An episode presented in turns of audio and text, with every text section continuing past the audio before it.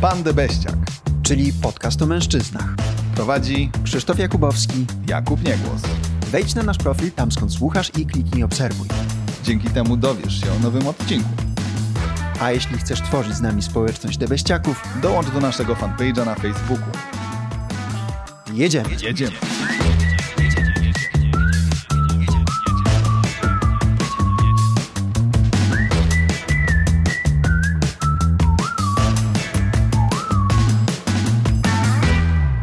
Witajcie. W tym odcinku będziemy rozmawiać z Krzysztofem na temat sport w życiu mężczyzny jako regulator stresu. I sprawdzimy, co powiedzieli nasi słuchacze, czyli debeściaki, jak również mm, sprawdzimy, jak nasza rozmowa się rozwija i czy jesteśmy w stanie znaleźć jakiś wspólny złoty środek na to, jak do tego stresu podchodzić. Więc może ja zacznę od bardzo, bardzo przyziemnej historii z dnia dzisiejszego. Najbardziej irytuje mnie to, że nie zdążyłem dzisiaj wyjść pograć sobie w koszykówkę, ponieważ lubię zrobić to w trakcie dnia, kiedy jestem na home office, a że dzisiaj byłem, mm, to niestety nie byłem w stanie się oderwać od swoich zadań. Miałem duży napływ nowych i nie obroniłem swojego mm, trybu sportowego i aktywności fizycznej. Bardzo mi to pomaga, jeśli chodzi o koszykówkę. Po prostu biorę sobie słuchawki, zakładam na uszy, wychodzę na boisko, przechodzę 500 metrów i rzucam do kosza set, czy czasem tysiące razy. No, tysiące to pewnie byłoby przy bardzo długim treningu, ale załóżmy, że te kilka setek jestem w stanie oddać rzutów i bardzo dobrze się przy tym wyłączyć. Po prostu myśli przepływają, ale ja to nazywam taką medytacją w ruchu, że jestem ja, muzyka, kosz, piłka, piłka trafia do kosza. Jestem zadowolony, biegnę, żeby to ponowić, nie trafiam, to znowu biegnę, aby to ponowić. No i jest to taka nagroda, wygrana, przegrana i to mnie odpręża po prostu. Bardzo lubię to robić. Więc na tym bym zakończył moją część wypowiedzi, aby usłyszeć, co u ciebie, Krzysztofie, jak to u ciebie działa. Co dzisiaj, co w życiu. No dzisiaj to niewiele rzeczywiście, bo e, przyszedłem na nagranie na takiej dużej prędce. Natomiast w ogóle sport nie jest moją ulubioną aktywnością, która mnie odstresowuje, ale to jest temat na inny odcinek, ale O jeżeli... tej innej aktywności Tak. odstresowującej. Okay. Natomiast y, jeżeli już miałbym wskazać jakąś aktywność fizyczną, która mnie odstresowuje, no to takie sporty, które polegają na wysiłku niezbyt intensywnym, takim, w którym mogę wpaść w jakiś rytm, czyli takim dosyć monotonnym, bo wtedy mogę po prostu sobie ułożyć pewne myśli. No, czyli to jest albo rower, albo pływanie najchętniej. Natomiast sporty, które na pewno mnie nie odstresowują, to są sporty zespołowe i oparte na rywalizacji. I wydaje mi się, że to jest związane trochę z moim dzieciństwem, z dojrzewaniem, ponieważ ja jako dziecko zawsze lubiłem takie sporty właśnie jak rower, jak pływanie, jak narty, gdzie mogłem sam te sporty uprawiać. Natomiast w szkole no to były głównie sporty zespołowe, czyli piłka nożna, siatkówka, koszykówka. No i to była trochę trauma, dlatego że nie miałem szczęścia do nauczycieli w szkole i większość zajęć sportowych w szkole polegała na tym, że osoba, która prowadziła te zajęcia, bo trudno mi nazwać go nauczycielem, I prowadziła to dużo powiedziane. tak, rzucała piłkę i szła sobie do kantorka porozmawiać z drugą osobą, która teoretycznie te zajęcia powinna prowadzić. W zimie piłka do koszykówki czy siatkówka, a w lecie piłka nożna. No i każdy z nas grał na innym poziomie. Trochę lepiej, inni trochę gorzej. I ci, którzy grali gorzej, mieli po prostu ciężko, bo zajęcia z wychowania fizycznego, które teoretycznie powinny odstresowywać, być takim wentylem i zapomnieć o na przykład siedzeniu w klasie w ławce, no to dla wielu z nas, w tym mnie, były takim generatorem stresu. Właśnie, tylko po polsku czy po angielsku. Teraz tak sobie myślę, że przecież stres to w ogóle jest też napięcie, nie? Więc mówimy przeważnie o tym napięciu psychicznym, ale też chodzi o to napięcie mięśni, które teoretycznie powinno uwalniać ten stres psychiczny, nie? Więc mam wrażenie, że to jest wymyślone, aby wprawić swoje ciało w ruch i rzeczywiście, mm, nazwijmy to, zrobić to mocne cardio, no bo teoretycznie po to to zostało wymyślone, ale pytanie brzmi, co dalej? Jak to w środku, w głowie? Chodzi mi o takie napięcie, które jest, staje się większym obciążeniem dla głowy po prostu. I Związane z tą grą. tak, z tą grą. I, i, i, I przez szkołę nie lubiłem zajęcia no, oparte na rywalizacji i grze zespołowej. Ale miałem jednocześnie to szczęście poznać trzy osoby, które kompletnie mi zmieniły myślenie o sporcie. Jedną z nich był Wojciech Marczułajtis, który uczył mnie jazdy na desce, na snowboardzie. Zresztą ojciec Jagny Marczułajtis, e, wielokrotnej medalistki właśnie. Znane nazwisko. E, I on mi powiedział, no, że ja mam jakiś taki talent do tej, do tej deski, że on we mnie widzi no, coś wyjątkowego. No i to mnie tak uskrzydliło, że, że dało mi takiej większej pewności do sportu. Drugą osobą, taką, która była dla mnie ważna w sporcie, to był mój trener karate, który uczył nas nie tylko techniki samoobrony, ale też przemycał na tych treningach całą taką filozofię i różne takie wskazówki życiowe. I dzięki niemu też wielu rzeczy poprzez sport się dowiedziałem o, o życiu i o sobie. No a trzecią osobą wreszcie była y, nauczycielka WF-u już w liceum, kobieta po 70, już powinna być na emeryturze, ale tak uwielbiała uczyć, że, że nie chciała przejść na emeryturę. No i ona w liceum, jak nas zobaczyła, a my byliśmy z różnych środowisk, z różnych szkół, no stwierdziła, że my nic nie umiemy. I nas uczyła od początku wszystkiego. Rzutów, techniki, taktyki, wzmacniania mięśni, które y, przydają się do sportów y, zespołowych. Miło. Dobrze z jej strony. Dobrze z jej strony, bo dzięki niej polubiłem chociażby siatkówkę czy piłkę nożną i na tyle się ośmieliłem w sporcie, że potem trafiłem na Akademię Wychowania Fizycznego. No ale trochę mam żal do szkoły, że potrafi zniechęcać do sportu, sportu, który powinien być przyjemnością, powinien być takim właśnie wentylem, a nie dość, że przynajmniej za moich czasów szkoła nie dość, że nie potrafiła wyławiać talentów, to jeszcze potrafiła zniechęcać do, do aktywności. Jeżeli nadal tak jest, to bardzo źle i chciałbym, żeby to się zmieniło. Jeżeli któryś ze naszych słuchaczy też ma podobne doświadczenia ze sportem w szkole, no to, to niech wie, że ja wiem, co, co może czuć. No i bardzo dobrze. Po to to robimy, żeby dzielić się właśnie tym, co nie jest oczywiste i wypowiadać się na tematy te głębsze i czasem płytkie, aby sprawdzić, co tam się dzieje na wszystkich głębokościach. Więc dobrze, że się podzieliłeś. Dzięki za to. I to, co chciałem jeszcze nawiązać, to fajnie się słucha tego, jak, jak dobre słowo może zbudować, zarówno kiedy wspomniałeś o snowboardziście, później jak mówiłeś o człowieku, który przekazywał filozofię, co wydaje mi się, że jest dosyć popularne, że to jest taki, takie dobre filtrowanie, szukanie odpowiednich takich bym to nazwał, no zajawek, tak, tak potocznie, które sprawiają, że określone typy charakteru osobowości się tam pojawiają.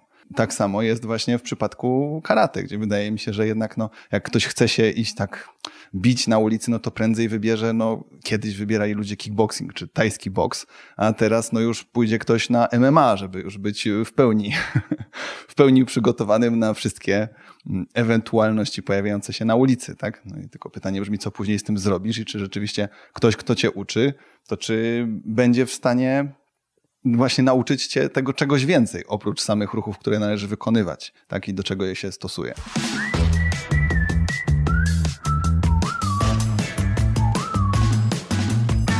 Ja chciałem jeszcze dorzucić tak ze swojej strony, skoro zamknęliśmy w pewien sposób twój mm, temat, szeroko poruszony, to u mnie, mm, tak była wcześniej wspomniana ta koszykówka, no ale to nie jest tak, że się urodziłem i pomyślałem sobie, kiedy już pojawiały się myśli w mojej głowie, które były jasne i czytelne, że o, koszykówka, świetny sport. Tylko bardziej było to na zasadzie, że mój tata wprowadził taką zasadę w naszej rodzinie, że ma być sport.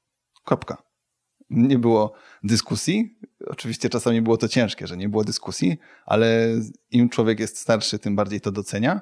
I uważam siebie za takiego chodzącego multisporta, chociażby ze względu na to, że trzymałem się całe życie tej zasady. Jestem bardzo wdzięczny mojemu tacie za to, że mm, coś takiego, że wpadł na ten pomysł i że to wprowadził. Ale ty mogłeś sobie wybrać dziedzinę sportu, tak? Czy, czy on ci narzucał? Nie, właśnie. Mogłem sobie wybrać, chociaż na początku była jeszcze jedna zasada dodatkowa z gwiazdką, że wszyscy u nas w rodzinie mają umieć pływać. Więc to było już typowo z perspektywy takiego, no nawet nazwijmy to zabezpieczenia, tak, że jedziesz później nad jezioro, nad morze i że nie czujesz się z tym dziwnie, więc to był taki pakiet bezpieczeństwa, bym to nazwał. No i tak od tego pływania Przeszedłem później dalej, kiedy basen w moim nowym targu zbankrutował. Mm, przeszedłem dalej na inne sporty, ponieważ trzeba było kontynuować. To był pierwszy moment w moim życiu, kiedy musiałem podjąć jakąś decyzję, taką przemyślaną decyzję sam jako tam załóżmy dwunastolatek. No i tutaj się zaczęło, bo przeszedłem przez Chiriuaiki Jiu-Jitsu, po koszykówkę, przez oczywiście standardowo piłkę ręczną, nożną, y, siatkówkę, po wszystkie deskowe sporty, czyli deskorolkę, snowboard, z czasem później gdzieś tam się pojawił surfing, wakeboard. No i tak sobie testowałem za każdym razem, kiedy ktoś wrzucał, że może polecimy tu. No mówię, pewnie.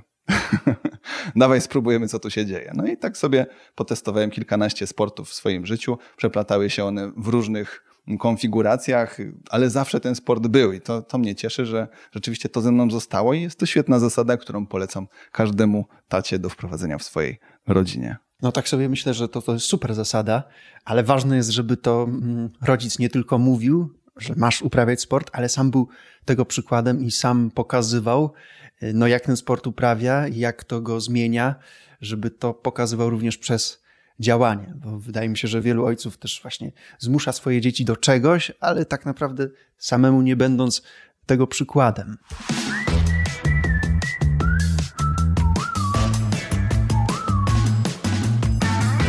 Teraz zapowiemy naszego pierwszego debeściaka, który się e, wypowiedział na temat sportu, a jest nim Marcin Kochanowski, który jest doktorem psychologii sportu i od lat współpracuje z kadrami narodowymi i tak oto powiedział, co sądzi na temat stresu i sportu. Myślę, że najważniejsze jest rozpoznanie sportu, który sprawia każdemu przyjemność, bo dla niektórych to ten powód stresu to jest rywalizacja. Natomiast jeśli sport daje mi przyjemność, to obojętnie jaki to będzie sport, on będzie mi mnie rozluźniał, będzie mnie relaksował, nawet jeśli de facto rywalizuje. Natomiast takimi pierwszymi, które przychodzą do głowy sportami, które relaksują, ze względu na to, że nie ma w nim rywalizacji, to jest bieganie, bo wtedy robisz to w swoim tempie, w swoim rytmie, w swoim miejscu, w swojej porze. Czyli generalnie wszystkie te rzeczy, które pomagają nam się zrelaksować, czyli poziom tego stresu zmniejszyć. Drugim obszarem sportów to są rzeczy, które robimy w wodzie. Basen, jacuzzi, tego typu rzeczy, gdzie woda wyciąga napięcie z ciała. Ja czasem mówię, że ten basen jest dobry, jeśli po wielu godzinach pracy umysłowej czy fizycznej wejdziemy do basenu i się relaksujemy, w sensie pływamy sobie w swoim tempie. Natomiast gdy się pojawia rywalizacja, bo na to, że obok płynie jakiś inny mężczyzna i z nim rywalizujemy, albo piękna kobieta i chcemy jej zaimponować, to zapinam, zapominamy o relaksacyjnej formie tej aktywności. Też pytałeś o sporty siłowe, więc myślę, że tutaj to niekoniecznie będzie nam niwelowało napięcie. Jeśli powiemy o stresie psychicznym, to tak, to mogę wtedy się poczuć zrelaksowany, przerzucając kilogramy na siłowni, no bo rzeczywiście skupiam wtedy głowę na czym innym. Czy mogę sobie w tej głowie poukładać pewne rzeczy, więc psychicznie mogę zbijać stres. Ale tak naprawdę od strony biologicznej czy neurobiologicznej, to bardziej nabijanie tych mięśni, jeszcze te napięte powięzi mięśni czy struktury y, w organizmie będzie nam nie rozluźniało, a spinało jeszcze bardziej. Więc dla głowy może to być odpoczynek, bardziej na zasadzie efektu placebo, natomiast dla ciała to jest dalej zbijanie tego stresu, zwiększanie napięcia, zamiast go rozluźniać. Więc podsumowując, powiedziałbym, że znalezienie czegoś, co jest dla mnie, sportu, czy obszaru, który dla mnie jest przyjemnością, i to jest chyba klucz do tego, aczkolwiek siłowe niekoniecznie, ale to każdy sam powinien zdecydować.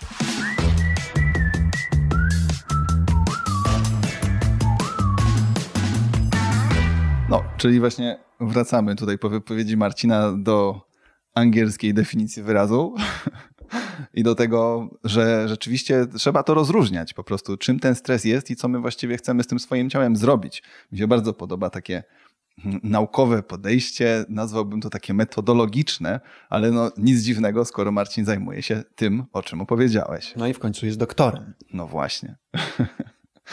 więc na pewno coś na ten temat wie. Wracając, jeśli chodzi o jakby taką, to co u mnie zostaje w głowie, to jest właśnie to podejście zarówno tego redukowania stresu psychicznego, jak i tego neurobiologicznego. I to, że właśnie niekoniecznie pompując się wielkimi ciężarami, y, nagle staniemy się bardziej odstresowani, bo to właśnie może bardziej ta woda, czy takie dobre cardio lub też oddech, to one po prostu wyciągają z nas ten stres, a nie mm, właśnie pompowanie mięśni. No to, czym bardzo jest mi bliskie, co powiedział Marcin, to to, że no po, po prostu sport powinien nam sprawiać przyjemność i taką aktywność powinniśmy wybierać. Tu nawiązuję do tej swojej opowieści ze szkoły, no że przynajmniej wtedy, nie wiem jak jest teraz, nie można było sobie wybrać dyscypliny sportowej, tylko była narzucona ta i tylko ta i koniec. Fabryka sportowców, tak zwana, taśma. Właśnie nie wiem, czy, czy sportowców, czy bardziej jakichś nie, nieudaczników, zupełnych amatorów.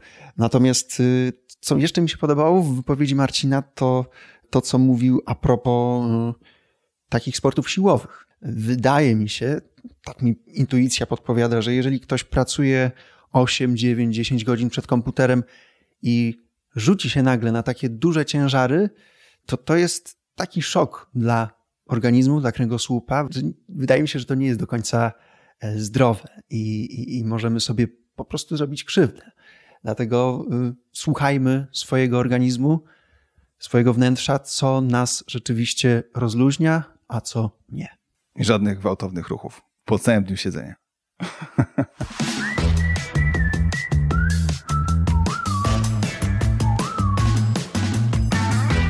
Kolejnym debeściakiem, który się wypowie, jest Maksymilian Devera, który jest stomatologiem.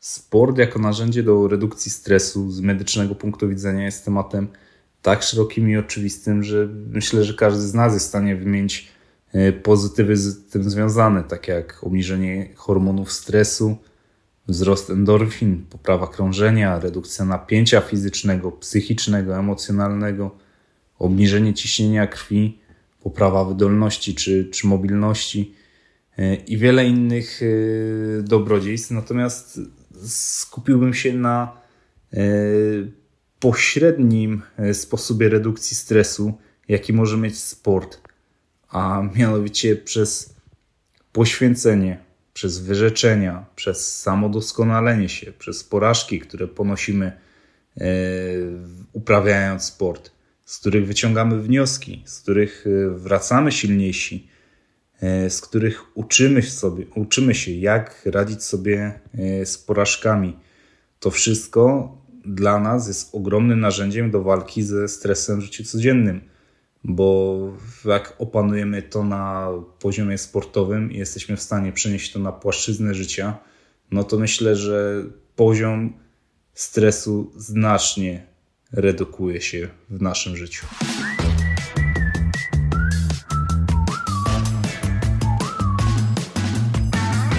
Bardzo mi się podoba naukowe podejście Maksymiliana do sprawy.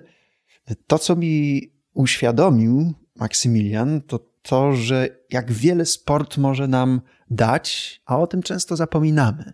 Maksymilian wymienił mnóstwo różnych aspektów fizycznych, ale też takich jak samodoskonalenie, wyciąganie wniosków z porażek, wracanie silniejszym, poświęcenie.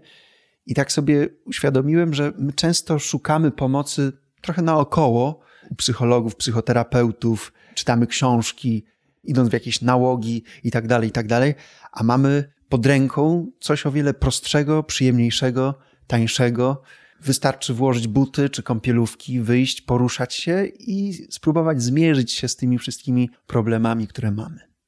Ja y, bardzo lubię taką, ostatnio usłyszałem, że to się nazywa wszystko jest połączone, albo po angielsku interconnectivity. I, i to, co, to, co mi się właśnie podoba, to to, że właściwie te porażki i emocje, o których y, Max mówił, że one rzeczywiście można, można je przekładać z życia sportowego na życie prywatne, biznesowe, jakiekolwiek inne. Ja bardzo lubię patrzeć na świat w ten sposób, że rzeczywiście jedna płaszczyzna może być zostać właśnie przetransformowana na drugą, niemalże jeden do jednego, jeśli chodzi o jakieś modele mentalne nasze, no bo właściwie w dużej mierze to będziemy badać, co się dzieje na świecie pod tym kątem. Wystarczy spojrzeć na zawodowych sportowców, którzy często po zakończeniu kariery stają się ludźmi interesu, zajmują się biznesem, ponieważ czerpią z tych umiejętności właśnie sportowych, jak rywalizacja, jak radzenie sobie ze stresem, z krytyką, jakieś takie koncentracja, skupienie i potem bardzo to im pomaga w biznesie, więc to się sprawdza z tym, co powiedziałeś, że, że wszystko jest ze sobą połączone. I wracając jeszcze do samego początku, Max, nie. Większość ludzi nie jest w stanie powiedzieć i wymienić wszystkich rzeczy, o których wspomniałeś w kwestii, jakie zalety ma uprawianie sportu. Więc zdecydowanie trzeba wziąć pod uwagę, że większość osób nie zdaje sobie sprawy z tego i nie byłaby w stanie tylu rzeczy wymienić. Ale to, co z tych wymienionych mi najbardziej się spodobało, to jest doprecyzowanie naszych wcześniejszych wywodów, czyli rozbicie tego napięcia na trzy elementy: na psychiczne, fizyczne i emocjonalne. Więc to jeszcze dodaje mi kolejne puzzle do mojej układanki. Dzięki.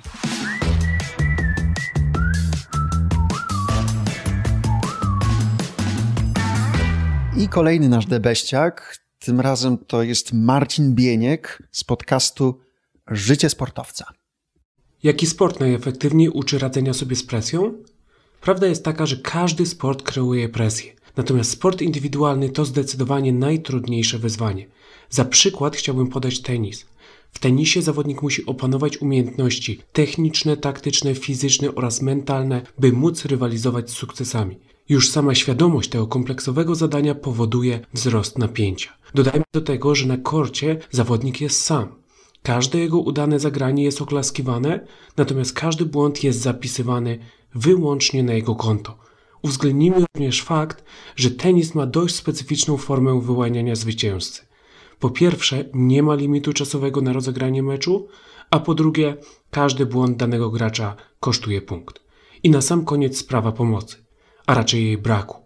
Trener nie ma możliwości porozmawiania z zawodnikiem ani przekazania kluczowych informacji w decydujących partiach meczu. To zawodnik musi radzić sobie ze wszystkim, w tym z podejmowaniem wiążących decyzji.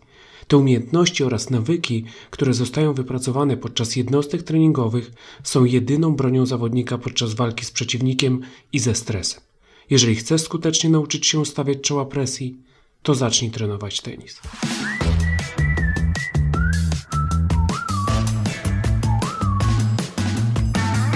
Dobrze jest słuchać ludzi, którzy prowadzą podcasty o sporcie, kiedy robisz podcast z odcinkiem o sporcie.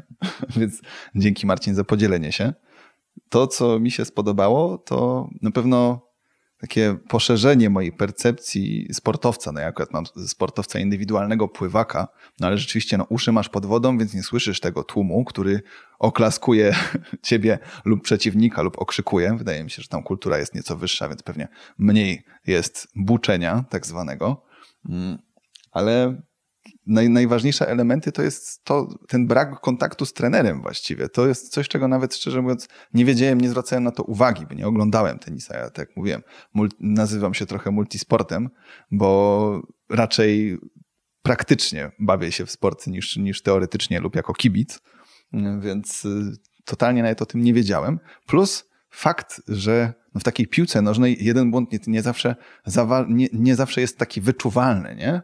Ale tutaj rzeczywiście każdy pojedynczy błąd kosztuje cię punkty. To jest też całkiem trafna uwaga, niby coś oczywistego, ale nie, nie myśli się o tym, słysząc tenis na co dzień. Więc rzeczywiście ta presja musi być niesamowicie wysoka, no i na pewno to sprawia, że są takie emocje w kibicach i w zawodnikach.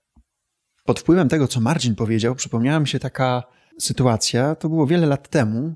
Poznałem gościa na, na, na takiej imprezie, który mi opowiedział coś, co po prostu mi szczęka opadła. Otóż on siedział wiele lat w branży rozwoju osobistego, pracował w firmie szkoleniowej jednego z bardziej znanych coachów, takich mówców motywacyjnych, szkoleniowców. On odszedł z tej firmy i ten wniosek, który miał po latach, bardzo mnie zaskoczył, bo on uczestniczył w tych wszystkich zajęciach, tych warsztatach, szkoleniach, bo, no bo po prostu on to organizował, więc mógł też brać w tym udział. I z perspektywy lat stwierdza, że do tego samego, do tych samych wniosków, do takiego samego rozwoju doszedłby poprzez sport. Gdyby uprawiał sport, to byłby w tym samym miejscu, co po tych wszystkich latach szkoleń, konferencji, kursów, warsztatów.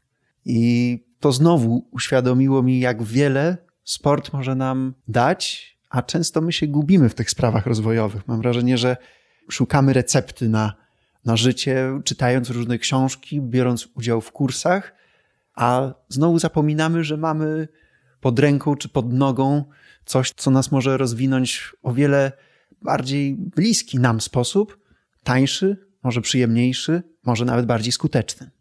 Bo sam sport nie wystarcza. Dlatego potrzebna jest jeszcze dyscyplina. I nie tylko dyscyplina sportowa, ale taka wewnętrzna. Więc myślę, że dopiero sport w połączeniu z dyscypliną daje efekt, o którym przed chwilą powiedziałeś.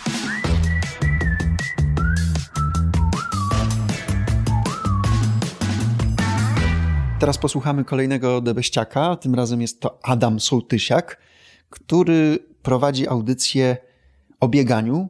Audycja nazywa się Bez zadyszki w Radiu Poznań. Czy bieganie to dobry sposób na radzenie sobie ze stresem? Myślę, że nie tylko bieganie, ale każda aktywność fizyczna to doskonały sposób na radzenie sobie ze stresem. Przynajmniej bieganie w takiej wersji e, amatorskiej, jaką ja sam uprawiam. Wychodzę na treningi 3-4 razy w tygodniu miesięcznie. Myślę, że nie przekraczam 200 km, zazwyczaj jest to 150. E, myślę, że jestem takim amatorem po 40.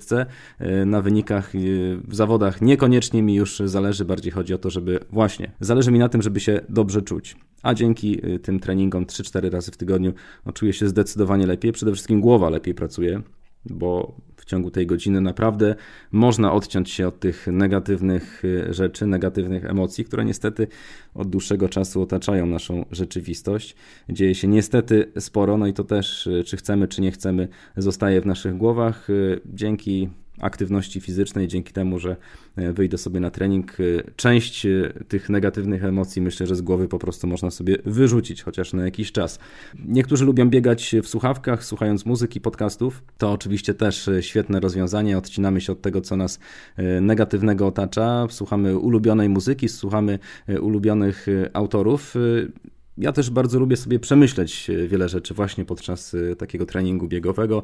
Podczas dłuższego wybiegania naprawdę jest mnóstwo czasu. E, można się skupić na, nie wiem, przeróżnych pomysłach, projektach, przemyśleć sobie wiele rzeczy i jest to też sposób, żeby się od tej szarej rzeczywistości odciąć. Ja też łączę sobie aktywność fizyczną z życiem towarzyskim każdą, w każdą sobotę e, wybieramy się naszą właśnie biegową paczką na dłuższe wybieganie od trzech albo czterech lat spotykamy się co, co sobotę o godzinie 7, 7.30, w zależności trochę od pogody.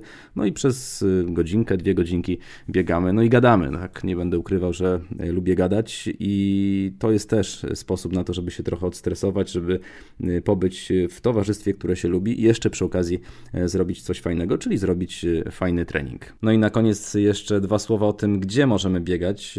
No możemy biegać w lesie, nad rzeką, możemy biegać nad morzem, czyli w pięknych okolicznościach przyrody. To na pewno też ma bardzo pozytywny wpływ y, na naszą głowę. Y, jesteśmy na łonie natury, obserwujemy przyrodę, obserwujemy zachód słońca, może czasami wschód. To są naprawdę bardzo pozytywne rzeczy, które na 100% zmniejszają nasz poziom stresu.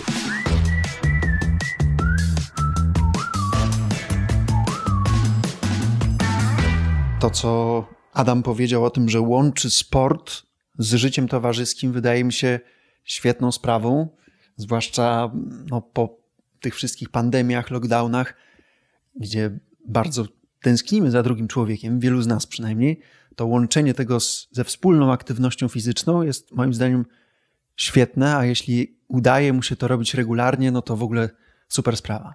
A z tego co słyszę, udaje mu się to robić regularnie, więc jest to super sprawa. I jest to również kontynuacja tego, co przed chwilą powiedziałem, czyli właśnie dyscypliny w tym sporcie. No bo skoro umawiasz się z kimś raz w tygodniu na to, że robicie coś wspólnie, no to na pewno ten poziom motywacji jesteś w stanie podtrzymać na wyższym poziomie. Przychodzi to naturalnie. Ja tak mam, że gdzieś na boisku spotkałem gościa, z którym zagrałem jeden na jeden w kosza, bo w koszykówce akurat to bardzo lubię również, że jest to taki sport, gdzie przychodzisz na boisko, rzucasz sobie, ktoś przychodzi, pyta się, czy zagramy. I to jest takie dla mnie przyjemne po prostu i takie zbliżające, że nie jesteśmy jakimiś losowymi ludźmi, którzy chodzą po tym globie, tylko jednak uprawiając jakiś sport, mamy ze sobą coś wspólnego, no i dzięki temu możemy też siebie poznawać. No i ja często poznawałem ludzi właśnie przez te wszystkie swoje dotychczasowe zajawki, więc z koszykówką było tak samo. No i dzięki temu właśnie chłopak mi powiedział, to dawaj sparujemy się telefonami, bo my gramy raz w tygodniu na sali, to możesz zagrać z nami. No i tyle. I to jest dla mnie, wiesz, ile, ile osób ma możliwość poznawania ludzi, takie wiesz, nazwijmy to 30 plus, bez mm, jakichś takich sztywnych ram, że jesteśmy na tym samym kursie, na tym samym warsztacie, czy na właśnie wymianie networkingowej w biznesie, w pracy, na studiach jakichś tam kolejnych podyplomowych czy MBA. Więc tyle właśnie. To jest dla mnie genialne w sporcie, że on nam rozwiązuje języki i pozwala na to, żebyśmy mogli się poznawać. I przy tym jeszcze bardziej odstresowywać, no bo w gronie ludzi jeszcze bardziej zapominamy o tym, co było dzisiaj, o swoich problemach i możemy tak się trochę od tego odciąć. I teraz mam wrażenie, żeby jeszcze, żeby nie było odcięcia właściwie od tematu, który poruszył Adam, on ma te audycje bez zadyszki. I jeśli on jest w stanie biec obok ciebie, jeszcze gadać i namawiać cię do gadania, to na pewno musi mieć to na tyle wytrenowane, że jest w stanie pokonać wiele kilometrów bez zadyszki. Więc ludzie, którzy z nim biegają, na pewno, na pewno muszą być też bardziej wyćwiczeni od standardowego biegacza, który biega ze słuchawkami lub po prostu w szumie miasta czy w szumie lasu. A do tego jeszcze jego audycja pomaga ćwiczyć dykcję, bo wymówienie bez zadyszki, no to jednak wymaga pewnej sprawności języka. tak jest. I jeszcze jedną rzecz dorzuciłbym, bo, bo to mnie y, zainspirowało, to co powiedział Adam, że możemy się tak odciąć od różnych problemów poprzez słuchanie różnych rzeczy na słuchawkach, czy muzyki, czy audiobooków, czy podcastów. I ja też to lubię, też to praktykuję. Zawsze jak wychodzę na rower, to zawsze mam słuchawki na uszach i widzę też po ludziach, że biegający, jeżdżący na różnych rowerach, rolkach i tak dalej, mają często słuchawki nałożone. Tylko jedna rzecz mi się taka włącza, mała czerwona lampka, że owszem, możemy mieć poczucie ciągłego rozwoju, zdobywania wiedzy, inspirowania się poprzez to słuchanie, na przykład podcastu, audiobooka czy radia, ale warto jest czasami zostawić te słuchawki w domu, wyjść, poćwiczyć coś samym sobą, bez żadnych dodatkowych bodźców, właśnie po to, żeby pewne rzeczy sobie przemyśleć. Bo złapałem się na tym, że jak y, dużo słuchałem, to, to jest jednak bierne zdobywanie wiedzy i nie miałem takiego marginesu, takiego czasu, żeby to w ogóle przetrawić, przemyśleć i zastanowić się, no zaraz, zaraz, ale co ja o tym myślę? Więc sugeruję czasami jednak nie brać tych słuchawek, żeby pewne rzeczy sobie po prostu w głowie poukładać, mieć większy kontakt ze sobą, swoim wnętrzem, swoim umysłem. Zgadzam się, ale ja akurat wymyśliłem sobie trochę inny motyw na to. Według mnie wystarczy słuchać muzyki, która jest bez tekstu. I tutaj na przykład idąc czy w muzykę do medytacji relaksacyjną, czy nawet jakieś wersje instrumentalne, uważam, że tak samo można się właśnie odciąć, y, jak przy mm, bezsłuchawkowym trybie poruszania się, jak również dodatkowo mamy jeszcze przecież teraz w tych słuchawkach te wszystkie ANC, czyli te tak zwane możliwości redukcji szumów z zewnątrz, ale o tym też pewnie będziemy kiedyś dłużej rozmawiać, czy to jest duży plus, czy duży minus, które po prostu sprawiają, że możemy się może lepiej skupić na, na tej muzyce, której słuchamy, a mniej zmęczy nas szum, który jest dookoła. No, zależy oczywiście w jakiej scenerii się poruszamy, tak? No bo mówię o tym, że przecież szum miasta też jest dla nas obciążający psychicznie. No to powiem ci, że ja tak nie mam. Właśnie ja, jak słucham muzyki, to ta muzyka na tyle działa na moje emocje, że już mnie ta muzyka ukierunkowuje w stronę jakiegoś myślenia. Pod wpływem tego, jaki to jest gatunek, jakie tempo, to takie mam też myśli. Mhm. Dlatego wolę się odciąć nawet od muzyki, żeby właśnie nic mi nie, sugerowało, nic mnie na, nie nakierowywało, żebym mógł naprawdę pomyśleć to, co chcę pomyśleć. Też czasem robię sobie taką odskocznię ostatnio, przyznam, robię taki kontrast do tego, czego się nauczyłem i co jest dla mnie standardem, w ten sposób się człowiek rozwija, ale przyznam, że na chwilę obecną dzień bez muzyki jest dzień straconym. O muzyce na pewno jeszcze będziemy wielokrotnie Oj, rozmawiać. będziemy.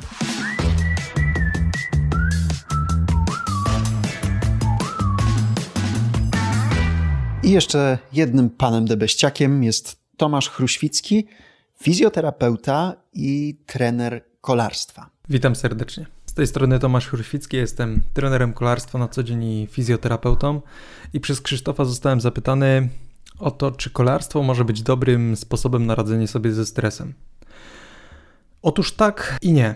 I jako osoba, która ma już jakieś tam doświadczenie w prowadzeniu naprawdę wielu zawodników, i to w większości są przede wszystkim e, amatorzy, jakby nie było, osoby, dla których mm, to kolarstwo jest oderwaniem od rzeczywistości, mam dwie pewne obserwacje. Pierwsza jest taka, że jest to doskonałe narzędzie do tego, żeby troszeczkę właśnie się oderwać od codziennych, bieżących spraw, odstresować się troszeczkę, przelać swoją energię na wysiłek fizyczny zrobić coś, co po prostu pozwoli nam zapomnieć o takich e, klasycznych problemach codziennego życia, bądź też coś, co pozwoli nam na przemyślenie pewnych spraw, które od dawna chodzą nam po głowie. I często jest tak, że zawodniczy, czy ja sam e, stwierdzam, że taki trening, e, który sobie wykonałem dłuższy na zewnątrz, pozwolił mi na przemyślenie pewnych istotnych życiowych spraw i rozwiązałem pewne swoje problemy, które stresowały mnie od E, iluś tam dni, tygodni czy miesięcy. Ale z drugiej strony mamy bardzo ważny aspekt tego, że trzeba wziąć pod uwagę fakt, że sport może mocno uzależnić i to nawet nie w pozytywnym tego słowa znaczeniu, czyli uzależnić, czyli zaczynamy trenować regularnie, poprawiać swoją kondycję, zdrowie i tak dalej, co uzależnić w ten sposób, że będzie nas jeszcze bardziej stresował. Będziemy mieli bardzo duże parcie na wynik, pomimo tego, że nie jesteśmy zawodowcami, czy na przykład e, nie robimy tego e, dla pieniędzy, czy, czy dla sławy.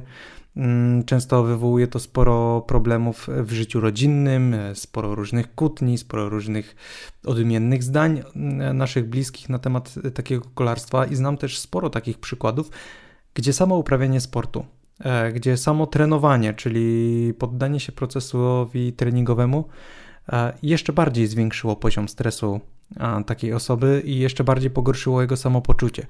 Także z tym wszystkim to jest jak z klasycznym e, lekarstwem, gdzie nie substancja, a dawka będzie decydowała o tym, czy coś jest lekarstwem, czy trucizną. I tak samo trzeba podejść do kolarstwa, jak i do każdego innego sportu, moim zdaniem.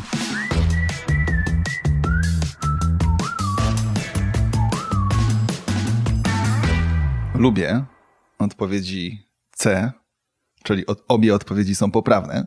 Albo to zależy. Tak, to zależy.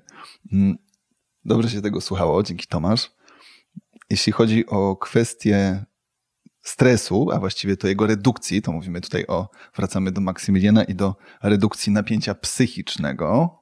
I tu się jak najbardziej zgadzam. Też przerabiam dużo rzeczy w trakcie właśnie moich wyjść koszykarskich. Po to to między innymi jest ale też czasami po prostu to sobie płynie i zapominam. Ja to zawsze mówię, że czasami wchodzę w taki tryb, tryb takiego flow, że zapominam, że stopami dotykam ziemi. To jest takie moje określenie w trakcie chodu, że człowiek się tak czasem potrafi odciąć i odpłynąć w swoich myślach, że nawet od tych myśli już daleko odpłynął, zapomniał, że myśli. I to ziemia dotyka twoich stóp. Ty Dokładnie. Stopami ziemi. Jakoś tak to było z tym ciałem A, B i BA. Więc y, to pierwsze, to oderwanie się od rzeczywistości mi się spodobało.